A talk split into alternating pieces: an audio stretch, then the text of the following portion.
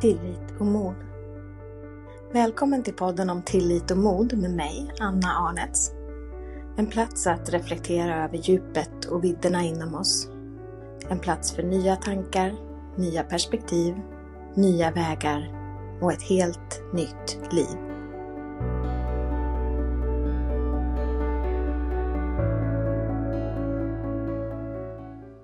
När jag först kom i kontakt med face reading så blev jag helt fascinerad och ville förstås boka en läsning av mitt ansikte på en gång.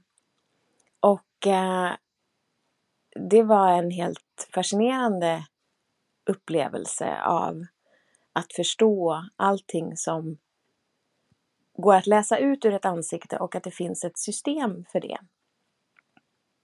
Så jag kände att jag ville fördjupa mig.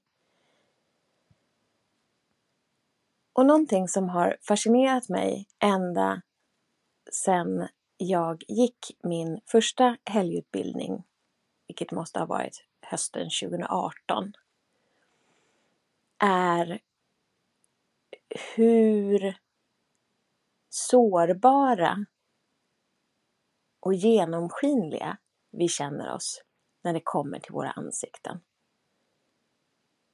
Under den första kurshelgen som var i Stockholm så fick vi alla i gruppen i uppgift, vi blev indelade i små grupper och så fick vi ett papper som var som ett stiliserat ansikte. Bara eh, konturen av ett huvud, två ögon, näsa, mun, öron.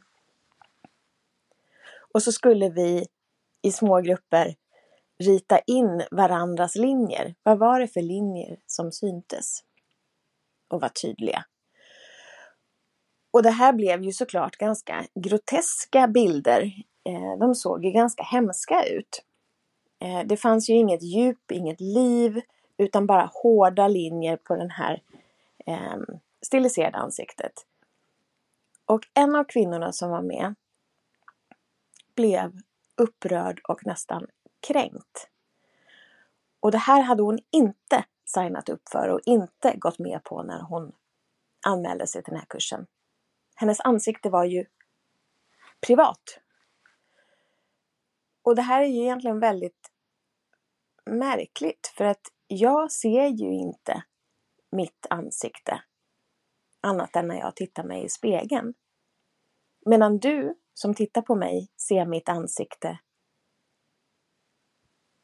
mycket, mycket, mycket mera. Och ändå så vill jag på något sätt då dölja mitt ansikte för dig. Och när jag berättar för människor eller att det på något sätt kommer fram att jag är utbildad face reader så blir ofta reaktionen att människor vill dölja sitt ansikte och tror att jag ska se saker som de inte vill dela med sig av eller berätta. Nu går inte jag runt och läser ansikten på stan stup i kvarten. Utan jag läser ditt ansikte om du bjuder in mig. Sen kan det vara någonting som poppar upp och, och, och träder fram tydligt ur ditt ansikte som jag tittar på eller lägger märke till och, och bara vet att då har jag med mig det.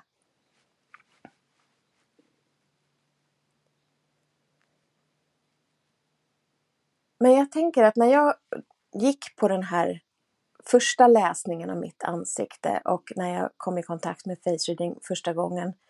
Jag kan ju förstå det här också. För någonstans blev det här ännu en av de saker där jag letade efter att någon utanför mig skulle berätta saker om mig som jag inte visste. På något sätt en tro om att andra vet mer om mig än vad jag själv vet. Och det är ju inte sant. Det största som jag tog med mig från den läsningen som jag gick på själv var att ingenting av det jag hade varit med om i livet efter 30 års ålder hade satt spår i mitt ansikte.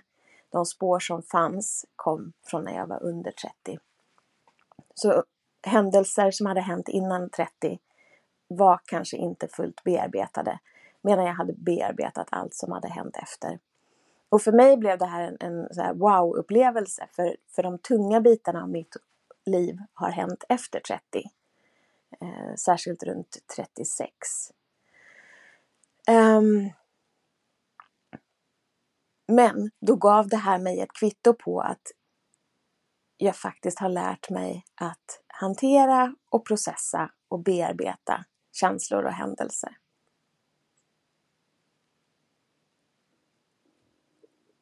Det jag mest använder face readingen för det är att läsa av mig själv när jag då tittar mig i spegeln. Och vissa saker gör mig glad och vissa saker gör mig inte så glad. Jag kommer ihåg när jag var på Mallorca på en retreat för några år sedan. Ehm, så hade vi gjort fyra intensiva dagar av transformationsarbete och sista morgonen, vi ska precis packa ihop.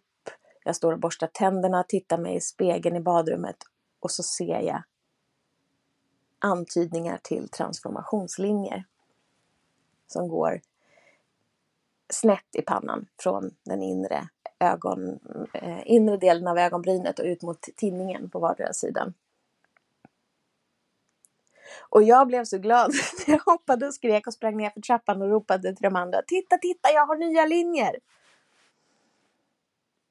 För att de här linjerna visar att jag har gått igenom en transformerande upplevelse och kommit ut på den andra sidan som någon annan. Nu har jag inte kvar de där eh, linjerna. De, de gjorde ett gästspel i mitt ansikte och försvann sen. Men vi har också våra olika ansiktshalvor där den ena sidan är visar vem jag är utåt. Vem, vem uttrycker jag utåt? Och den andra, vem är jag på insidan? Och i den ideala världen så vill vi ju ha två symmetriska ansiktshalvor. Men många av oss har ju inte det. Och jag kan till exempel när jag tittar på foton av mig själv se att mina ögon är väldigt olika. Det ena på min yttre sida är mycket mera öppet och mottagligt för, för omvärlden än min ögat på den sidan som speglar det inre.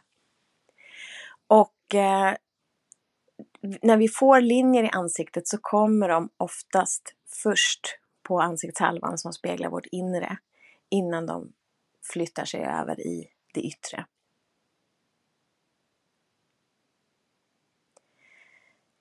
När jag ser tecken på besvikelse i mitt ansikte så blir jag inte heller så glad. Och så tänker jag, här finns det saker att jobba med, här finns det mungipor att höja. Um, jag kan följa om jag är trött, om min retirement line är påtaglig och synlig. När jag tittar mig omkring på andra människor så är den oftast väldigt tydlig på många. Vilket betyder att vi borde pensionera oss från det vi gör och istället ge oss ut på vägen som är din livsväg, ditt syfte, your golden path.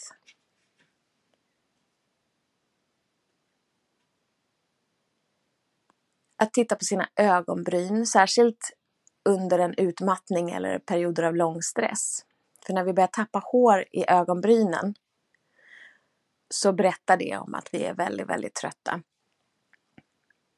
Och man säger det att antalet hår i ögonbrynen berättar om hur stor vänkrets vi har kapacitet att hålla. För det tar energi att hålla en vänkrets levande.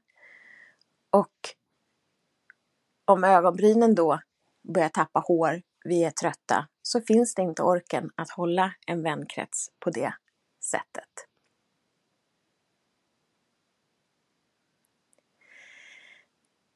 Så ansiktsläsningen är ju inte, det finns inget dömande, det finns inget rätt eller fel.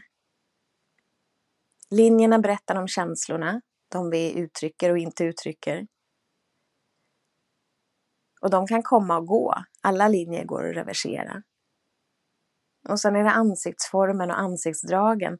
Och de är inte heller huggna i sten. Vi föds inte med den här ansiktsformen och så har vi den i resten av vårt liv. Utan det går att förändra. När man tittar på bilder av människor från när de var unga och jämför med när de är äldre så kan det vara nästan helt olika ansikten.